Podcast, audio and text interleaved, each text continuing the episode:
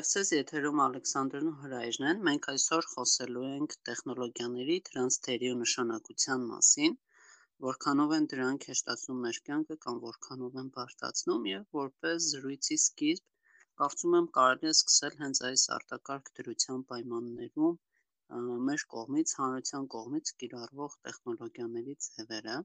ու կարծում եմ կարելի է հենց սկսել կառավար կրթության ոլորտում կիրառվող տեխնոլոգիաների նշանակությունից, ինչ խնդիրներ են դրանք հիմնականում առաջացնում ու որքանով են հեշտացնում, մեղմացնում իրավիճակը։ Իմ մոտ նույնիսկ տպավորությունն է, որ այս ամեն ինչի արտակարգ իրավիճակի ավարտից հետո էլ ինչ որ հիմա ձևավորվում է այդ հեռավար կրթությունը, դասերը Zoom-ով կամ Skype-ով անելը, որոշ դեպքերում նույնիսկ Viber-ով ձայնագրել ուսուցիչներին ուղարկելը հետո էլ է կիրառվելու ու այդ շատ լավ է, որովհետև եթե առաջ օրինակ երեխան կարող դպրոցում հիվանդանար, դասի չգար ու ինքը կորցներ, բաց թողեր կամ դասը չպատասխաներ, հիմա արդեն այս փորձը ոնց որ կա ու կարա նույն ձևով հիմա օրինակներ կան շատ տենց Viber-ով, որ երեխան դասը պատմում է ծնողը ձայնագրում ուղարկում ուսուցչին, նույն բանը այդ ժամանակ կարան անեն։ Շատ հետաքրքիր է օրինակ։ Ես ինքս հավանում եմ տեխնոլոգիաների կիրառումը կրթության գործընթացում, բայց նաև որոշակի խնդիրներ են տեսնում սրա հիմքում, որովհետև տեխնոլոգիաները նաև ապասոցիալականացնում են մարդուն, այսինքն սոցիումի մեջ ներգրավվելու փորձառությունը, որը մենք ենք ստացել ժամանակին եւ որը հիմա են ստանում նույն աշակերտները իրենց դպրոցում, այս կրթական գործընթացում ինձ թվում է խիստ տարբեր են ու դա որևէ կերպ ազդում է հետագա զարգացման ու ընթացքի վրա։ Հետո այս նպաստելու է ավելի հերավար կրթությունից բացի հերավար ընկերության ձևավորմանը, որ մարդիկ եթե նույնիսկ իրարից հեռու են, շարունակեն ակտիվ շփվող ընկերներ մնալ Օրինակ Facebook-ում մի տենց խումբ կա, մաֆիա խաղալու համար է նախատեսված, Zoom հավելվածով, ինչ որ քանակով մարդիկ են հավաքվում ու Zoom-ով մաֆիա են խաղում իրար հետ ու էդ էլ կարծում եմ, որ այս ամեն ինչից հետո սրանից մնացած օգուտներից մեկը կլինի։ Համամիտ եմ, հետաքրքիր է նաև այդ գաղափարը, որում այստեղ տարածության ու ժամանակի հաղթահարման ոնց որ մեծ քայլ է արվում մեր կողմից ու այդ խաղերի իրականացումը թեկուզ կարող է տեղի ունենալ ոչ միայն Հայաստանում ապրող մարդկանց ներգրավմամբ, այլ նաև ամբողջ աշխարհում։ Այս առումով կարծում ես, որ սա նաև ինչ որ գլոբալիզացիոն Հա, հենց այդ նկատի ունեմ ճիշտ է ինչ որ տեսությունների համաձայն այս վիրուսի տարածման հետևանքները կարող լինի ազգայնականության աճը, բայց մյուս կողմից էլ տարբեր երկրներում ապրող մարդիկ կարան իրար հետ հենց այս on-line հարթակների միջոցով շփվեն, կապ պահեն ու հետևաբար այդ նաև գլոբալիզացիայի համ հետևանք է, համ էլ պատճառ կարա դառնա։ Լավ, իսկ քանի որ խոսեցինք գլոբալիզացիայի ու ավելի գլոբալ թեմաների մասին, առաջարկում եմ մի քիչ վերհանել խնդիրը կրթական մակարդակից ու փորձել իրան դիտարկել առօրյա կյանքի, գիտության տարբեր ոլորտների,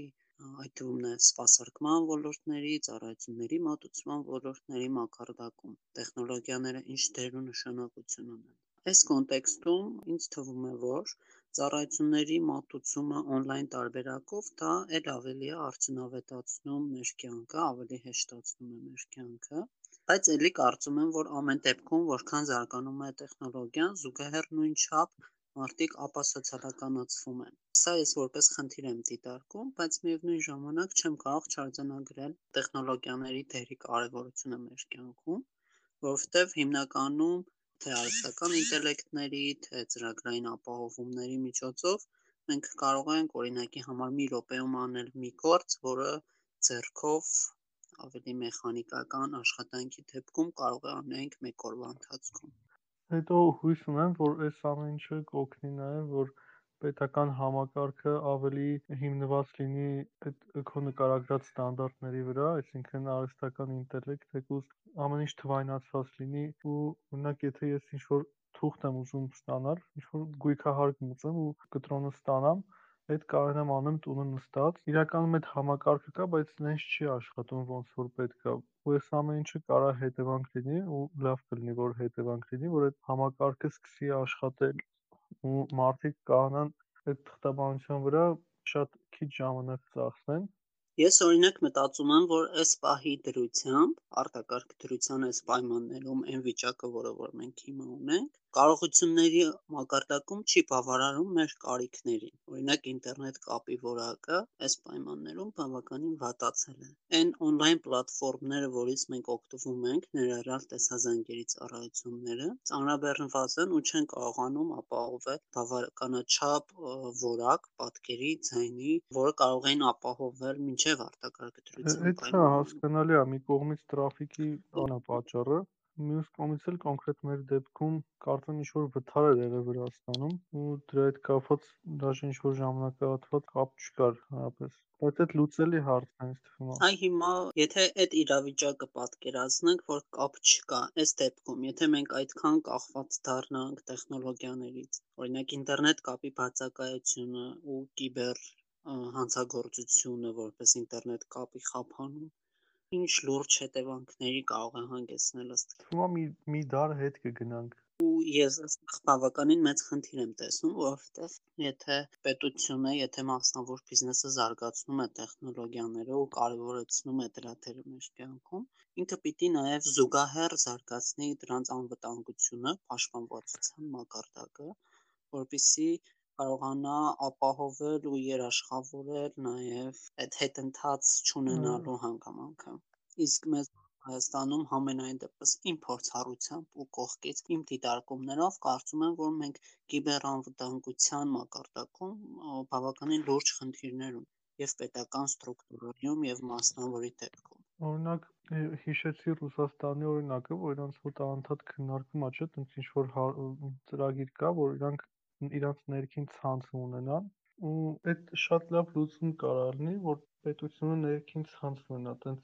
գլոբալ խնդիրների դեպքում, այսինքն եթե հիմա Յուքոմի կապերը որ մեկը լարերը կտրել է Վրաստանում, մենք կարանք մեր ներքին ցանցը ապահովենք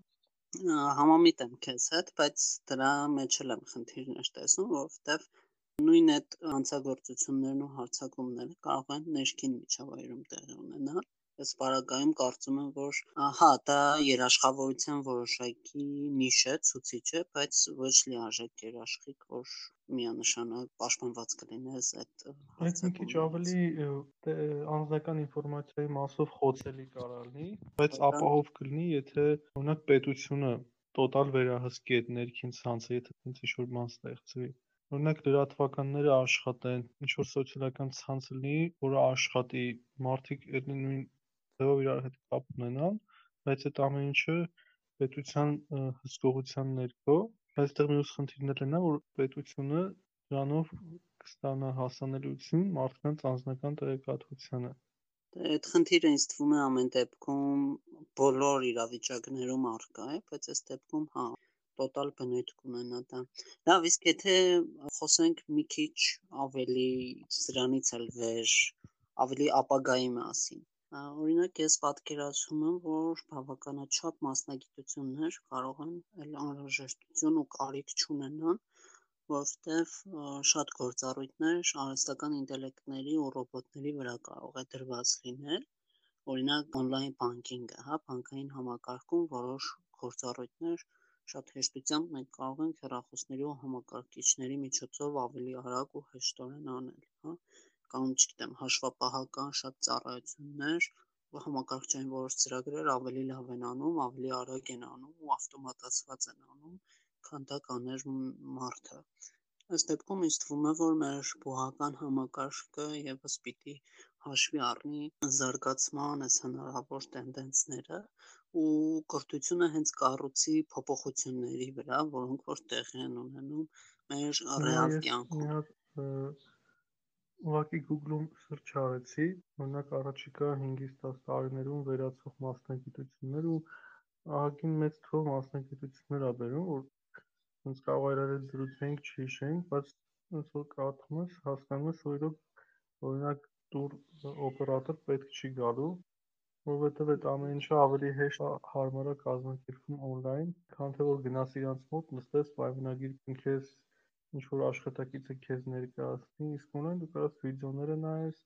միանգամից օնլայն վճարես ու մնացած ամեն ինչը օնլայն անես։ Օրինակ նոտարը կարա պետք չգա առաջիկայում, որովհետև այդ նույն տեղեկանքները, որ նոտարը տալիս է կամ նոտարը հաստատում է պայմանագրերը, այդ ամեն ինչը օնլայն կարա լինի։ Ինչ խոսքով այդ մասնագիտությունները, որոնք առաջիկայում կարան վերանան, շատ-շատ են։ Բայց ես հետաքրքիր մի հատ տենդենց եմ նկատել, որ բացի այն, որ որոշ մասնագիտություններ իրենք կարող են վերանալ, կա նաև մի նոր մոտեցում, որը մուլտիդիսցիպլինար է կոչվում, այսինքն օրինակ հիմա լավ իրավաբան քիչ մարդկանց է պետք, բայց լավ իրավաբան, ով որ միևնույն ժամանակ ուղղվածություն ունի մասնագիտական այլ ոլորտում, ասենք տեխնոլոգիաները թեկուզ հենց, հա, ինտերնետ ոլորտում շատ մարդկանց է պետք։ Օրինակ լրագրողը, ով որ համակարգչից գլուխ չի հանում կամ լեզուների չի տիրապետում, կամ տնտեսության ցուցանիշներին չի տիրապետում, ինքը չի կարող գտնել համապատասխան աշխատանք, հա։ Այսինքն ի նկատի ունեմ կան որոշ տենդենսներ, երբ որ մարդիկ կարող են մեկ ամսից մինչև չգիտեմ 6 ամսում մի նոր մասնագիտություն ձեռք բերել ու մի քանի մասնագիտությունների միքսով նոր մտնել աշխատաշուկա ու այս բարակայում ես գտնում եմ որ սա ավելի ճիշտ մոտեցում է քան խորանալ մեկ ամեն ինչից կտրված ոլորտում ու այդ ոլորտում փորձել ինչ-որ փոփոխություններ անել կամ ինչ-որ բարձունքների հասնել։ Այ օրինակ ստեղ ասում է, որ բան պահակ պետք չի լինելու առաջիկա 5-10 տարում, երևի հիմնվելով նրա վրա, որ ամեն ինչ կամերաներով վերահսկվելու է։ Ինչ կարիք չի որ մարդը գիշերը նստի պահակություն անի։ Պետք չի գալու մարզիչ, որտեվ էկրանից կարա մարզիչը կամ չգիտեմ ինչ-որ ռոբոտ խոսա, նկարագրի, նկարներով տա անես ու այդ պակաս էֆեկտիվ չի լինի։ Համաձայն եմ։ Որպես ամփոփում մենք այսօր մի քանի խոճուճ թեմաներից խոսեցինք, իրար հետ կապ ունեցող ու իրար հետ կապ չունեցող։ Կարծում եմ, որ ամեն դեպքում մենք չենք ինչ որ չափով անհատապես, հա, մենք չենք որոշողը տեխնոլոգիաների զարգացման ընթացքը, կարծում եմ, որ սա էվոլյուցիայի նման մի հատ բան է ու ինքը ընթացքի մեջ է ու մենք այդ ընթացքի մի փոքր օղակն ենք, տեղ մեր դերակատարությունը մեր չափով է սահմանված, ոչ ավելին ու կարծում եմ, որ ամեն դեպքում շատ կարևոր է տեխնոլոգիաների զարգացմանը երկրի ներսում ուշադրություն դարձնել որպես լրիվ առանձին ճյուղ, որովհետև փորձը ցույց է տալիս ու մեր տեսածը ցույց է տալիս, որ ժամանակի ընթացքում ամեն ինչ փոխակերպվելու է, տրանսֆորմացվելու է ու ուղիղ կապ է ունենալու տեխնոլոգիաների հետ։ Ամեն դեպքում հույս ունենանք, որ այս ամեն ինչը իր այդ դրական կողմը կունենա ու հեռավար կրթությունը, հեռավար աշխատելու ձևը հետագայում ևս պետք կգա մարդկանց ու իրենց առօրյան դրանով ավելի հեշտ կլինի արդեն ոչ արտակարգ իրավիճակներում։ Լավ էր ասված, ինչ խոսք, լավ էր ասված։ Դե ինչ, ամփոփելով մեր այս հերթական հաղորդումը, ցանկանում ենք բոլորին անխափան կապ, Rádio Rotsun. Rádio Rotsun.